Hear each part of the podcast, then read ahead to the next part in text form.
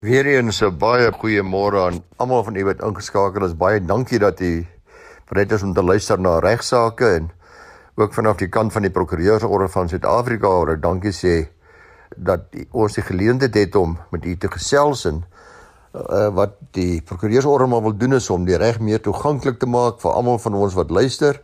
Uh dis amper maar so straatreg om te sê ek het daarom iets gehoor daar, ek het iets onthou, ek weet min of meer wat my regte is. En dankie vir almal wat sulke mooi briefies vir ons stuur wat sê ja, ons is nou so iets wat regs geleerd. Ek kry ook heel wat uh, skrywers van kollegas af vir al hulle nuusbriewe wat sê jy is welkom om die nuusbriewe te gebruik. En, uh, ek is op hulle adreslyste en ek dink hulle luister ook self ook na die program. Dit sou enige gekry van kollegas van ons hier in van my hier in Rustenburg het beseef vir die Wesduis en ingelyfe baie goeie firma wat vir my dokument stuur op hulle nuusbrief wat vra kan my insolventie lei tot opskorting van my huurkontrak. Nou uh hulle het skrywe ontvang van iemand wat sê ek besit 'n paar kommersiële eiendomme wat ek kan besighede uitverhuur. Ek het onlangs opgemerk dat een van my langsdienende huurders besig is om finansiëel onder te gaan. Dit sê mense gereeld, jy kom agter jou huurder is besig om swaar te kry. Uh hy het byna 2 jaar nog oor op die huurtermyn. Nou wat sou gebeur as hy insolvent sou raak? Kan ek sy huurooreenkoms opskort as ek daaraan gebonde? Dis die vraag wat uh, die president van die Wesduisen gesê wat hulle as volg antwoord.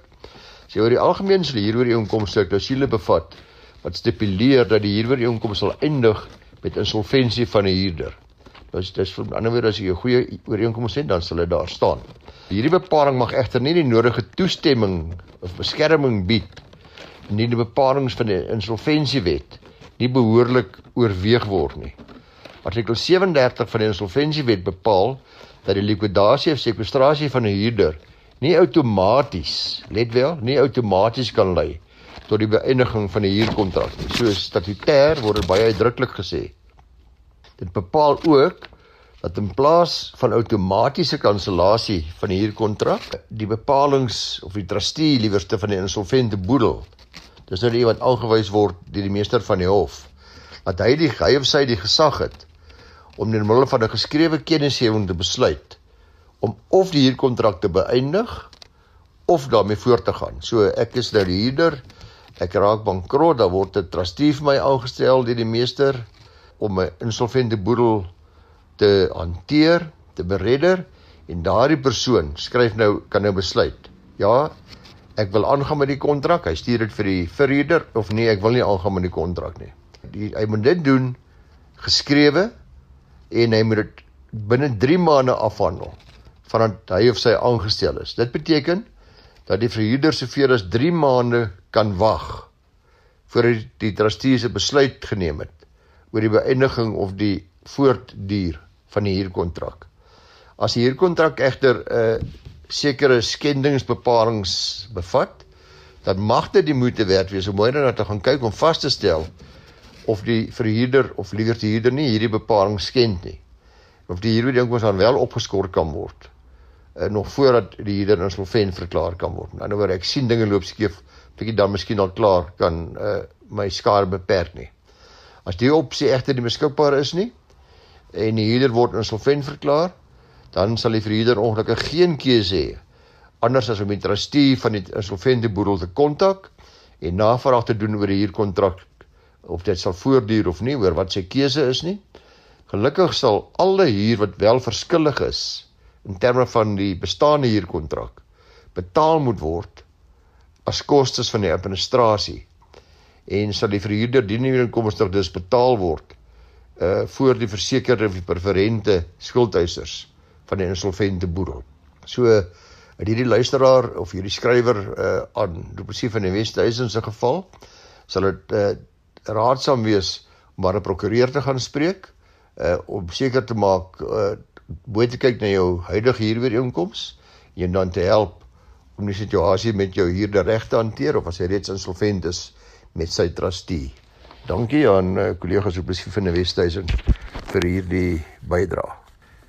Ja, you know, ek dink die werklikheid van nuwe Popia wet, wat ons maar Popie noem. Protection of Personal Information Act of die Wet op Beskerming van Persoonlike Inligting word in Afrikaans genoem begin nou eers regtig by ons luisteraars insink en veral die effek wat dit op elkeen van ons uh, se lewens het. Ek het dit al kortliks bespreek by ons het tal navrae gekry van mense wat die mekaar is wat vra wat van toepassing is of nie van toepassing is nie. Almal het nou of nie die wet gehoor. Dis al omtrent vir langer as 'n maand nou alles het amper 'n hoofopskrif op alle koerante ensovoorts nou. En veral as jy op 'n WhatsApp groep is, hierdie WhatsApps, die 10 teen jou ook al 'n boodskap ontvang wat bepaal dat daar nou van die groep administrateur verwag word om jou toestemming te kry om deel te neem aan daai groep. En uh daai ou wat daai groepie gestig het, die administrateur kan moet nou vir jou toestemming gee en uh jy kan natuurlik weier om toestemming te gee. Deur dood jy vir die groep te verlaat. As jy wel by die groep bly, dan word dit geag dat jy toestemming gegee het. Nou in reaksie op hierdie uh boodskap wat ek al reeds 'n paar maande of 'n paar weke terug gegee het, het ek verskeie navrae ontvang vanaf luisteraars wat wil weet of die wet op beskerming van persoonlike inligting dan nou regtig van toepassing is op WhatsApp groepe en indien wel wat die verpligtinge van die groep administrateur is. Nou ek gaan maar daar's net liggies al geraak hierdie keer gaan nou maar as beginpunt eers net sê dat luisteraars moet verstaan dat die wet verwys na data subjekte data subjects. En die wet verwys na responsible parties, verantwoordelike partye. Die verantwoordelike party is die persoon wie die persoonlike data van die data subjek prosesseer. Aan die ander wyse die data subjek is dan natuurlik enige iemand wie die persoonlike inligting betrek het. Ook belangrik is die feit dat die prosesering van inligting soos deur die wet gedefinieer ontsettend wyd gedefinieer word. Dit sluit onder andere in die ontvangs, die optekening, die organisering, alles alles en nog wat omtrent van persoonlike inligting. So as jy so kyk na die verantwoordelike party se pligte, wanneer 'n verantwoordelike party dan die dataprojek se persoonlike inligting wil prosesseer, moet hy of sy dit binne die beperke van die wet doen. Anders mag die data subjek nou beswaar aanteken teen die prosesering. Een van die toegelate omstandighede van die prosesering van persoonlike inligting is as dit met die toestemming van hierdie data subjek gebeur. Dit klink nou vreeslik tegnies, maar van daar dan al die boodskappe wat deur die administrateurs van verskeie WhatsApp groepe uitgestuur was. Uh, dit was reeds om hierdie prosesering se toestemming te kry. Luisteraars sal weet dat as jy op 'n WhatsApp groep is, dan kan jy byvoorbeeld al die ander lede van die groep se name sien, jy kan hulle kontaknommer sien, jy kan hulle profielfoto sien en baie keer nog meer inligting.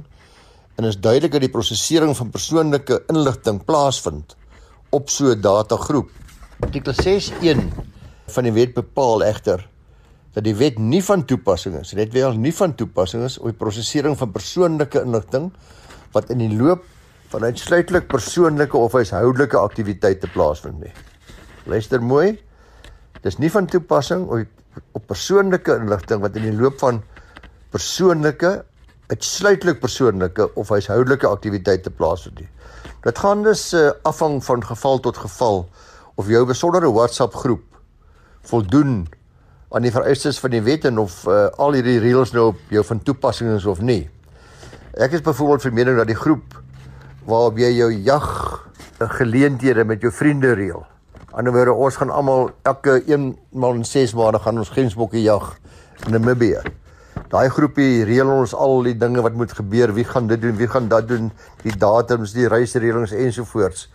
Dat dit nie aan die vereistes van hierdie wet hoef te voldoen nie. Groepe wat byvoorbeeld gestig word deur 'n kerkraad om inligting aan die gemeente deur te gee. Met ander woorde daai wat jy elke week kry, dis dienste môre en daardie groepie is verantwoordelik vir die tee of wat ook nog groot mag wees. Ek dink dit moet wel aan die wet voldoen. Want dit is nie persoonlik net of 'n huishoudelike aktiwiteit nie, dis 'n meer as net 'n huishoudelike aktiwiteit. Dis ook nie uitsluitlik persoonlik nie. Dis dinge wat deur die kerk gereël word. Die maklikste is dat jy met toestemming van lede te kry voordat hulle op die groep geplaas word. Die gewone groepie van uh, jy en jou kinders wat saam op 'n groep is wat 'n bietjie van mekaar vertel waarmee ek besig is, wat ons gaan doen. Miskien kom ons hier naweek kuier, kom ons gaan almal saam 'n bietjie uh, visvang met die dam of wat ek nogal ek dink ook nie daardie groepies wat suiwer persoonlik let wel die definisie weer persoonlik of huishoudelike aktiwiteite is dat dit moet voldoen aan al hierdie reëls van die popie wetgewing wat van toepassing is op ander groepe nie. Dit sal ook vir luisteraars interessant wees om te hoor dat daar wel 'n mate van 'n debat op die oomblik is oor of die eenvoudige SMS'e, die gewone SMS'e wat ons almal stuur wat op WhatsApp groepe uitgestuur word, as voldoende toestemming geag kan word. Nou hierdie uh, onsekerheid of hierdie debat is maar eintlik daar omdat die wet toestemming op 'n sekere manier definieer. Die wet sê toestemming is enige vrywillige, bepaalde of ingeligte wilsuitdrukking wat gegee word vir die prosesering van persoonlike inligting. Nou is daar diegene wat dalk met reg argumenteer dat daar geen wilsuitdrukking is wanneer 'n persoon as data subjek bloot op 'n groep bly en ander ek doen niks nie. Die administrateur sê vir my, hoor jy, as jy nie by groep wil bly nie, dan word dit geag jy toestemming gee en ek bly doodstil en deur niks te doen nie. Aan ander woorde is die vraag is dit nou voldoende aan die definisie van toestemming wat praat van wilsuitdrukking? Daar's nog geen behoorlike riglyne hieroor nie. Ek persoonlik dink nie dis 'n probleem nie. En die inligtingreguleerder het nog niks hieroor gesê nie of uh, iets hieroor uitgereik nie. Onthou hierdie wet het my eers op 1 Julie 2021 in werking getree. Maar ook net wat luisteraars wat uh, so baie het geskryf vir my wat geïnteresseerd is hier oor hierdie onderwerp kan natuurlik daaroor gaan lees. Jy kan maar net op die internet die wet se naam intik en dan gaan jy sien daar is 'n legioen artikels oor hierdie onderwerp en die wet is geheel beskikbaar. Na aanleiding van een van die programme wat Volker saam met gehad het oor boedels het. Ons 'n skrywe ontvang wat lees as volg. Sy sê my stiefoupa het geen kinders gehad nie my ouma het gesterf voor hom voor die stiefoupa. Hy het wel broers en susters gehad maar hulle was vir meer as 20 jaar in geen kontak nie. Hy raak toe siek van kanker en my ouers het hom toe ingeneem en versorg tot die dag van sy dood. Hy los ook 'n brief waarin hy skryf my ouers moet sy volle boedel erf. Met sy afsterwe bepaal hulle dat die gelde moet gaan na die broers en die susters, die wat hy nou 20 jaar laas gesien het. Want daar was geen getuie op die brief nie en die brief word dus nie as 'n geldige testament beskou nie. Uh natuurlik sê sy was my stiefoupa onbewus van al die vereistes. Nou vra sy, is daar 'n manier dat hierdie probleem oorbrug kan word? Sou my ouers dit verder kan opneem met 'n prokureur of met 'n hof? Of wat is u advies? Nou, Sarita, jy kan aansoek doen gevolg artikel 2 se artikel 3 van die Wet op Testamente vir die geldige verklaring van hierdie dokument, hierdie brief wat jou oupa geskryf het as 'n testament. Al het daar nie getuies geteken nie. Dis hierdie artikel wat sê dat Selfs al is daar in die vorm vereistes voldoen vir 'n geldige testament soos bepaal deur die wet nie, die wel daar's wel 'n diskresie dan vir die hof om afstand te doen van daardie vorm vereistes as dit duidelik is dat die dokument wat voorgelê word eintlik die laaste in die werklike bedoeling was van die oorledene om dit as sy testament te laat geld. Nou een van die vormvereistes is dat die dokument deur die oorledene geteken moes wees en dat die handtekening in teenwoordigheid van twee of meer bevoegde getuies wat gelyktydig teenwoordig is deur die erflater aangebring word. So die hof kan nou hierdie dokument van die oupa die brief dalk as 'n geldige testament verklaar. Al het hy en twee getuies nie die dokument geteken nie. Solank die hof tevrede is dat dit sy werklike bedoeling was en dan dit sy testament daarstel.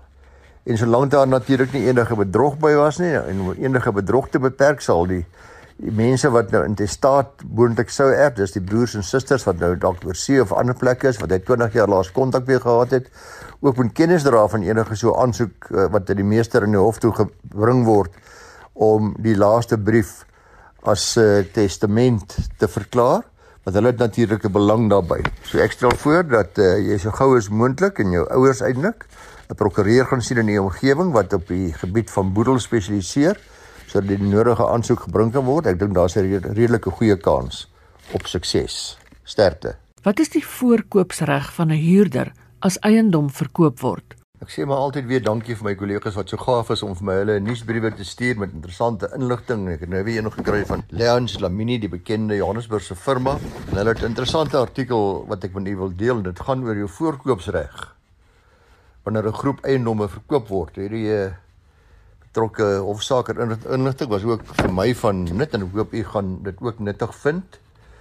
Hulle het 'n skrywe ontvang van 'n persoon wat sê hy hier 'n gedeelte van 'n plaas wat deel vorm van 'n groter groep eiendomme. In sy huurkontrak bepaal dit dat ek 'n standaard voorkoopsreg het. Dit het nou onder my aandag gekom dat die eienaar besig is om die hele groep eiendomme gesamentlik te verkoop. Insluitende natuurlik die deel wat ek huur. Ek wil graag die deel wat ek hier koop, maar die eiendom word in een transaksie, die groot eiendom verkoop te koop aangebied.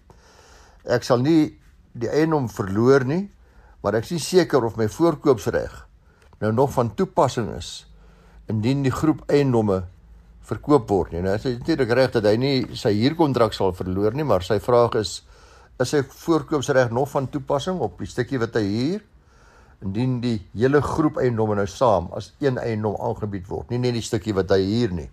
Leon Slabini sê dat voorkoopsreg is 'n algemene klousule in huurkontrakte waar die huurder gewoonlik ook 'n belangstelling het om 'n eiendom te koop indien indien die eienaar sou besluit om wel te verkoop.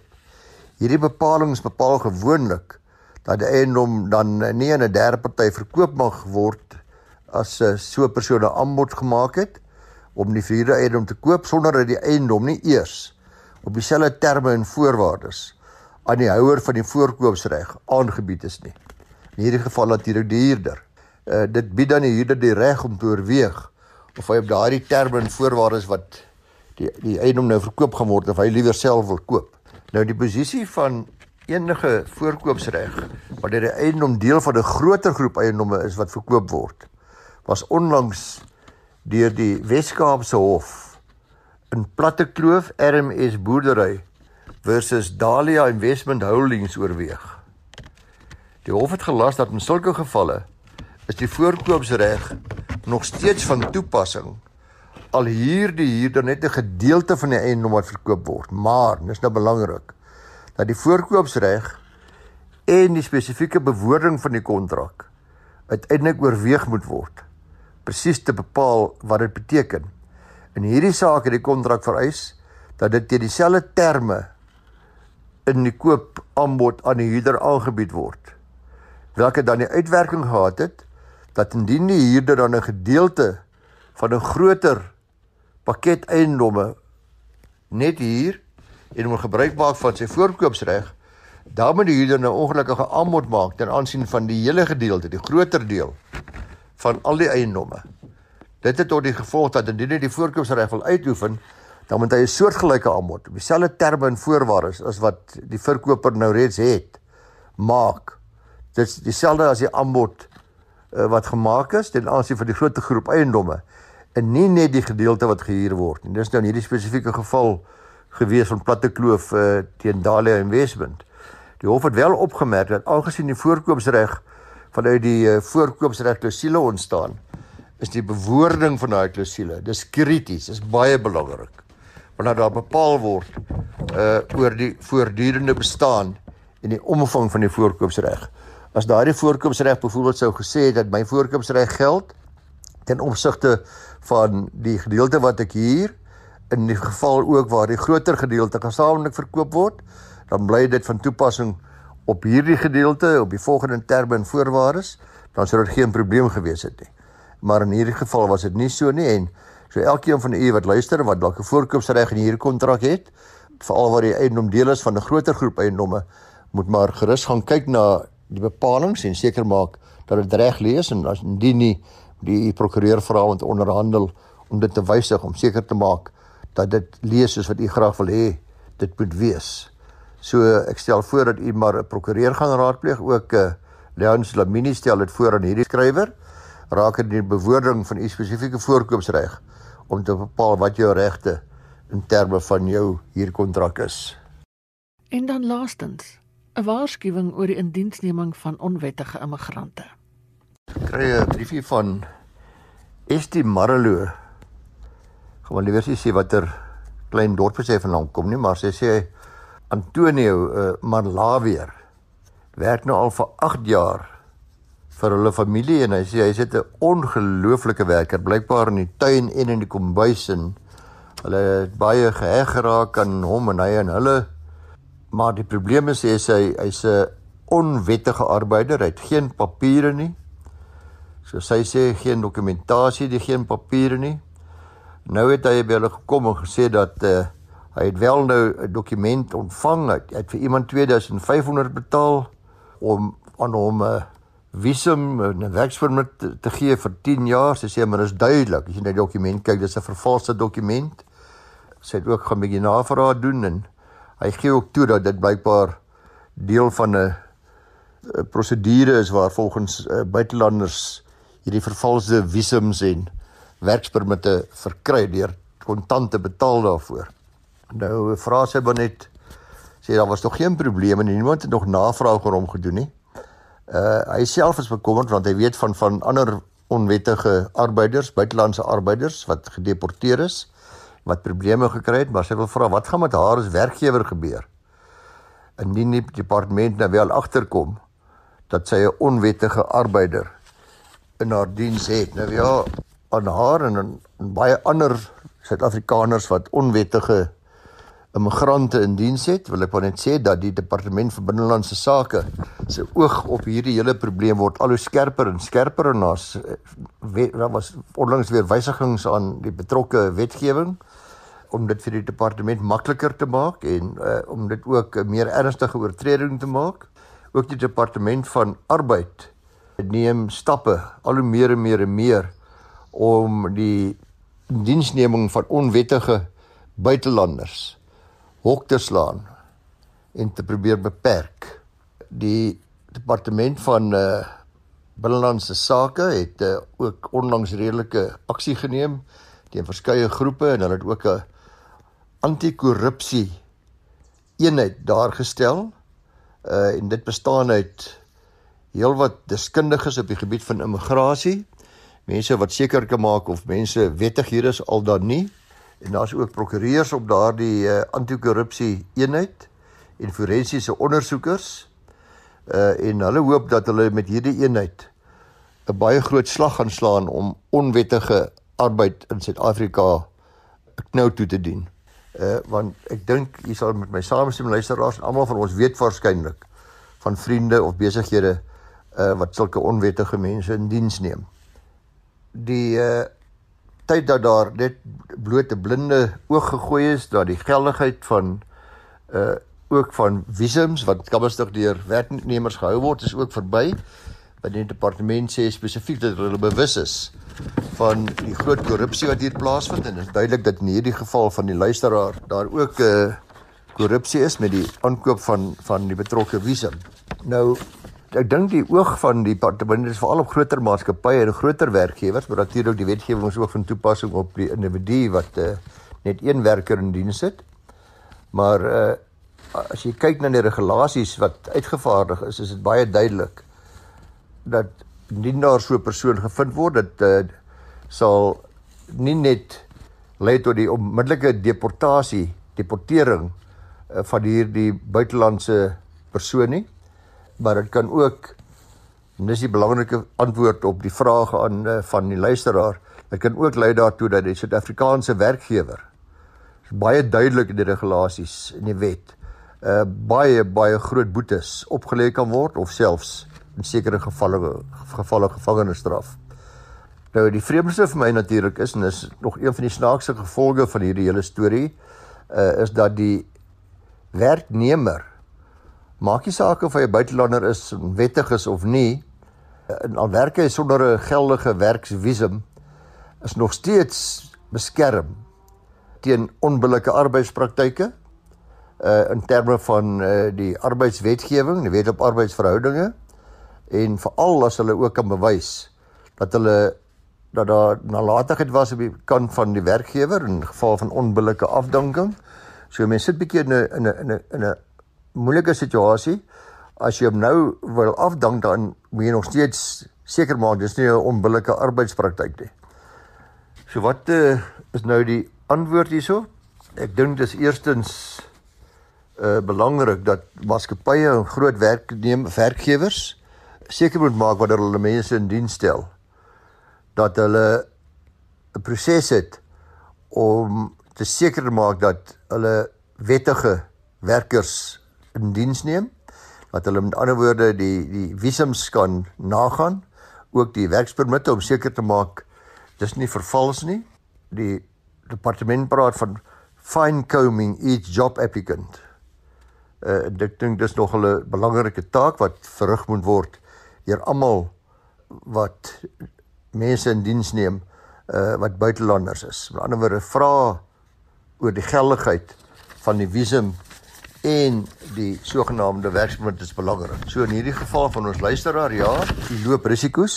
Almal wat onwettige arbeiders in diens loop risiko's. Die die deportering is natuurlik die een saak wat net die arbeider raak, maar in u eie geval as werkgewer kan u ook uh, met 'n boete gestraf word uh, of met gevangenisstraf, maar soos ek reeds gesê het, ek dink die die oog, die skerp oog op hierdie stadium van die departement van arbeid met hulle hernieude pogings is veral op die groter werkgewers gerig, want daardeur wil ek nie sê uh dat u net kan ontspan nie, dat u nie moet moeite doen om seker te maak dat u werkgewer of ekskuus dat u werknemer 'n wettige werknemer is met 'n wettige visum of werkspermit nie.